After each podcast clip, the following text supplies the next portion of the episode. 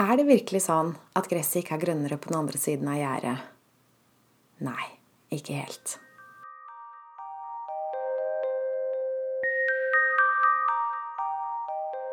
Hei, jeg heter Line Strandvik. Jeg jobber online som personlig veileder, hvor jeg hjelper deg tilbake til sannhet, hvor livet er ekte og meningsfullt. Du har sikkert også ofte hørt at gresset er ikke grønnere på den andre siden av gjerdet. Og det kan gjelde både jobb, og det kan gjelde kjærester. En tidligere personalsjef jeg hadde, han råda meg til å ikke søke andre jobber. Fordi, som han sa, gresset er ikke grønnere på den andre siden. Jeg tror ikke det rådet var til mitt beste. For den jobben jeg har nå, er iallfall mye grønnere enn den jeg hadde. Så er det bare ren og skjær løgn, da, dette ordtaket? Nei, det er jo ikke det. Det er absolutt noe sannhet i dette ordtaket om at gresset ikke alltid er grønnere på den andre siden av gjerdet. Men vi må huske på at det lyder gresset er ikke alltid grønnere på den andre siden. Implisitt noen ganger så er det faktisk grønnere. Hva er den avgjørende faktoren for om gresset er grønnere eller ikke? Jo, det er din bevissthet. Hvis du ikke gjør en forandring på innsiden, så vil du gjenskape de samme omstendighetene på utsiden. Du kan bytte jobb, men så viser det seg at det er en tilsvarende teit sjef eller kjedelige arbeidsoppgaver på nyjobben også, som du fant i den gamle. Eller det er et eller annet nytt problem. Du får det ikke noe bedre. Eller du kan bytte kjæreste. Og så viser det seg at den nye kjæresten ikke er stort bedre enn den gamle når det kommer til et stykke.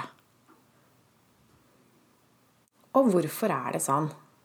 Hvorfor repeterer problemene seg? Det handler om det at hvis vi ikke lærer av våre feil, men prøver å rømme, så rømmer vi vekk fra en mulighet til å lære. Og når vi gjør det, så trenger vi ubevisst å gjenskape nye omstendigheter som gir den samme utfordringen. Så hvis du opplever det noen ganger, at du stanger hodet i veggen, opplever de samme problemene om og om og om igjen, så er det noe bestemt du skal lære av det. Så gresset kan absolutt være grønnere på den andre siden. Og spesielt hvis du gjør en forandring på innsiden, så vil du føle behov for et ytre hamskifte. Det du omgir deg med, det vil føles gammelt. Du vil trekkes mot noe nytt. Og spørsmålet blir da om du skaper plass til og tar imot det nye, eller om du blir sittende stille. Mange bruker riktig lang tid på å gjøre en endring. Fordi de ikke innser at gresset faktisk er grønnere på den andre siden. At de bør utvikle seg. Så det her ordtaket, det rommer stor visdom. Det gjør det. Det forteller oss at hvis ikke vi forandrer oss på innsiden, så vil ikke gresset være noe grønnere på den andre siden heller. Da vil det ikke bli noe bedre. Men det her ordtaket det blir ofte misforstått og misbrukt. Ordtaket blir ofte brukt for å unnskylde at vi ikke gjør noe med en situasjon som åpenbart ikke er tilfredsstillende. Så ikke bruk det som en unnskyldning. Vit at ditt gress kan være frodig og grønt. Og jeg vil si at det skal være frodig og grønt. Det er i hvert fall sånn jeg tenke med livet. Vi skal ha det bra. Livet skal være godt. Vi skal ikke bli sittende fast i noe vanskelig. Hvis du befinner deg på en gressplett som føles vissen, så er det alltid noe du kan gjøre for å bli en av dem som danser i det frodige og grønne gresset. Ikke tro at det er umulig. Bare fordi du ikke ser løsningen, bare fordi ikke du ser hva som er bak neste sving, så betyr det ikke at det ikke fins noe der, for det fins det.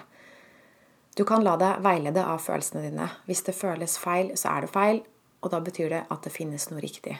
Og det er din jobb å finne ut av hva som er det riktige, og bevege deg dit. Så hva bør du gjøre? Er det et større potensial der du er, som du ikke har sett? Skal du vanne gresset på din side av gjerdet? Eller er det frykten din som står i veien for at du beveger deg videre? Hva presist skal du lære? Det skal du finne ut av. Hvis du er usikker på om du skal bli eller gå i en relasjon eller i en jobb, så tilbyr jeg hjelp. Hvis du går inn på linestrandvik.no i e-butikk, så finner du noe som heter Bli eller gå. Og det er en pakke som går ut på at du får et par skriftlige oppgaver hvor du skal skrive ned hva som motiverer deg til å bli, hva som motiverer deg til å gå. Få hjelp til å sortere disse tankene og følelsene. Og så sender du det til meg. Så forbereder jeg meg, og så tar vi en samtale på telefon over 60 minutter over alt det du har skrevet. Så du får hjelp altså til å sortere dine tanker og følelser. Så det å ta valg, det kan være vanskelig når ikke vi helt er bevisst om hva som styrer oss. Så ved å få alt opp til bevisstheten, så kan vi skape klarhet. For det fins alltid én helt riktig løsning. Det er én ting som er helt riktig å gjøre, og etter at du har rydda opp, så blir det veldig klart for deg. Så for å oppsummere, hvis du opplever at gresset på din side av gjerdet er litt vistent, så er det noe du trenger å gjøre, enten på den ene eller andre måten. Du er i stand til å leve i et frodig, saftig og grønt gress. Og hvis du tviler på det, så forstår jeg det godt. Jeg har vært der selv.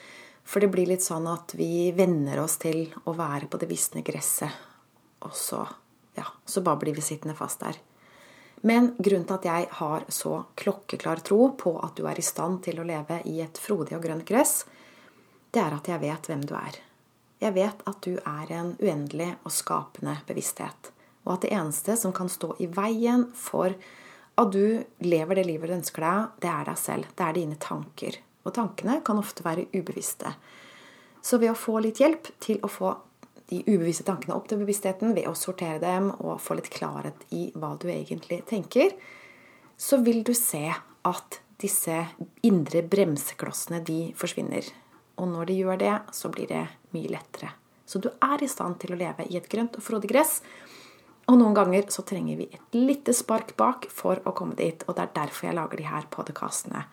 For å inspirere og gi deg et lite puff videre, sånn at ikke du finner deg i å leve i et vistent gress, for det skal du ikke. Verken privat eller på jobb. Du skal trives overalt hvor du er. Takk for nå, og ha en strålende dag videre. Ha det!